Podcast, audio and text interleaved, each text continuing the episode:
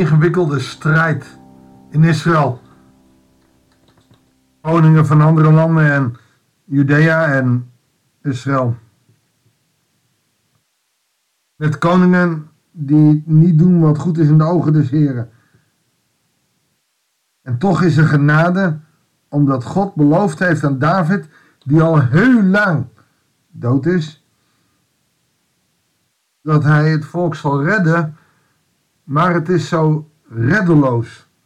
Het is zo wanhopig. En toch, op een of andere manier ziet God heil.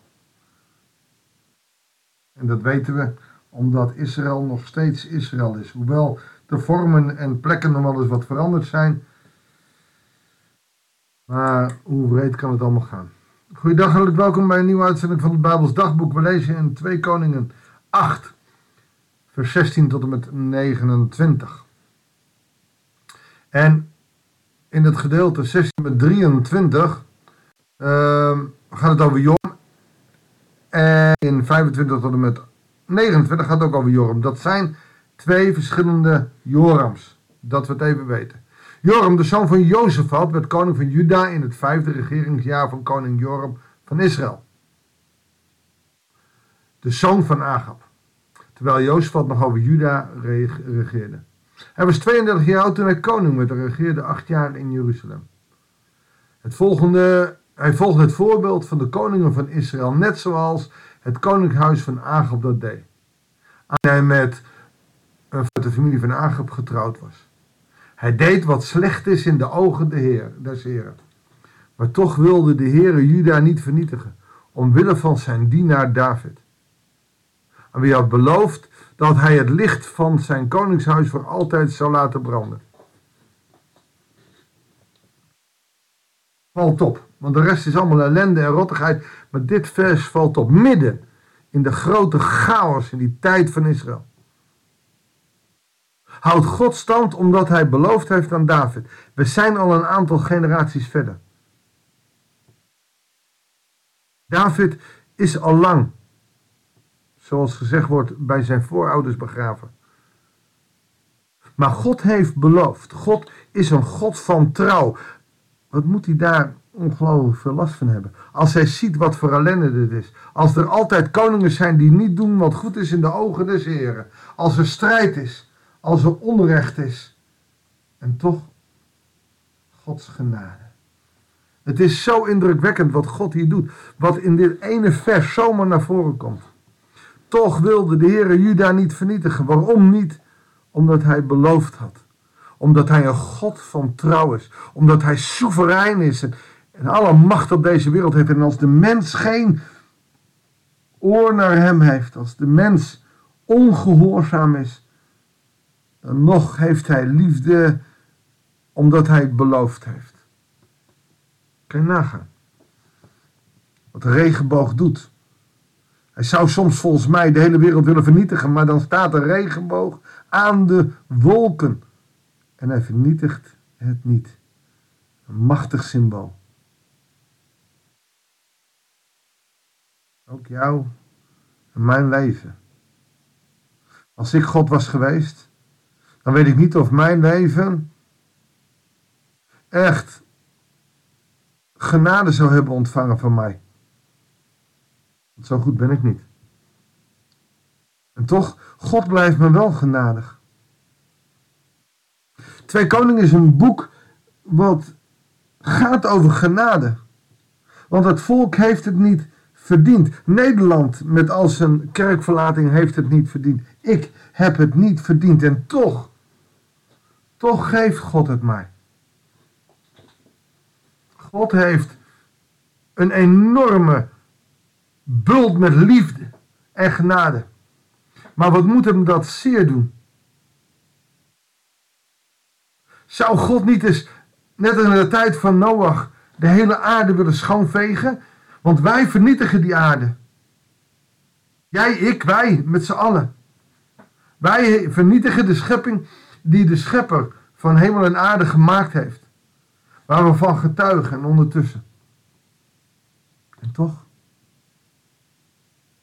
Ik denk dat God ook genade heeft met de aarde.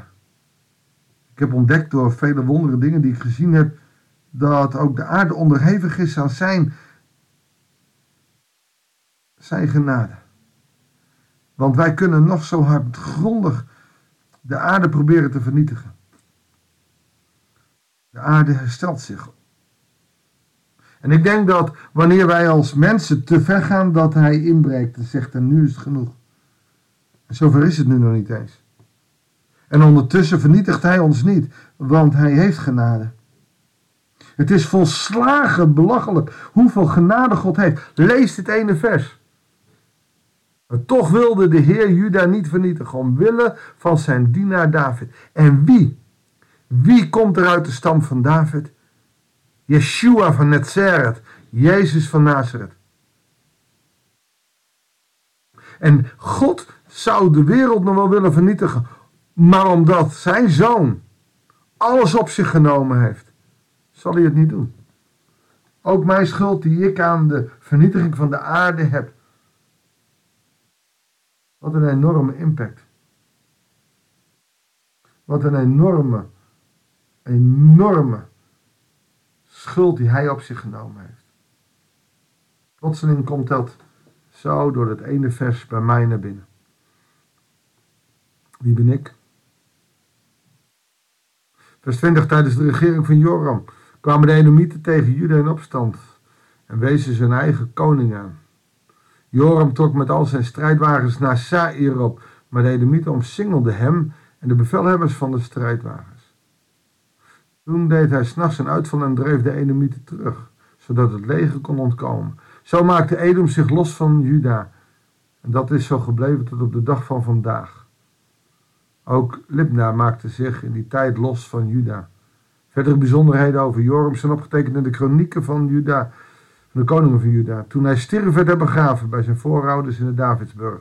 Zijn zoon Agasja volgde hem op. Dat Israël, het land zoals God het aan Israël gegeven had, stukken kwijt raakt. Stuk van Edam, Edom en, en, en Libna. Hij blijft genadig voor het volk, maar op een andere manier. Agasja, de zoon van koning Joram van Juda, werd koning in de twaalfde regeringsjaar van koning Joram van Israël, de zoon van Agab. Hij was 22 jaar oud toen hij koning werd. Eén jaar regeerde hij in Jeruzalem. Zijn moeder was de kleindochter van koning Omri van Israël. Hij volgde het voorbeeld van het koningshuis van Agab en deed wat slecht is in de ogen van de Heer. Net zoals de leden van het koningshuis van Agab, want ook hij had een vrouw uit de familie van Agab getrouwd. zie je wat één koning met al zijn slechtheid doorgeeft. Gasja ging met de koning Joram, de zoon van Agab, mee naar de Ramot in Gilead om de strijd aan te binden met koning Hazael van Aram. Maar toen Joram gewond raakte, keerde hij naar Israël terug om te herstellen van de verwondingen die de Arameërs hem tijdens de slag met koning Hazael van Aram bij Ramoth hadden toegebracht. Gasje, de zoon van Joram, de koning van Juda, ging naar Israël om de gewonde koning Joram van Israël een bezoek te brengen. Midden in die strijd moet hij terug. Er rust geen zegen als je, als je niet een kind van de Allerhoogste. Er rust geen zegen als je God niet volgt. Als jij in relatie staat met God, kan Hij je zegenen. En je ziet dat het land afbrokkelt van Israël. Een van de gevolgen daarvan is dat je nu ook Palestijnse grondgebied hebt. Ook nu mogen ze op de belofte aan David nog steeds een beroep doen, maar door een aflatigheid geloof ik dat ze steeds stukjes land verliezen. Wordt het niet tijd dat God met zijn genade terugkomt op de wolken en ons laat zien hoe het werkelijk in elkaar zit? Eén ding. Door zijn zoon Jezus Christus kunnen wij genade ontvangen. Genade gaat diep. Heel diep. Vader in hemel, we danken u. Wat kunnen we anders doen dan voor die genade? Dank u wel.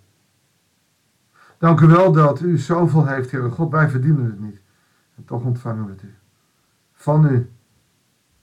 We loven en we prijzen uw grote naam. Nu aan tot in eeuwigheid. Amen. Dankjewel voor het luisteren. Ik wens je God zegen. En heel graag tot de volgende uitzending van het Bijbelsdagboek.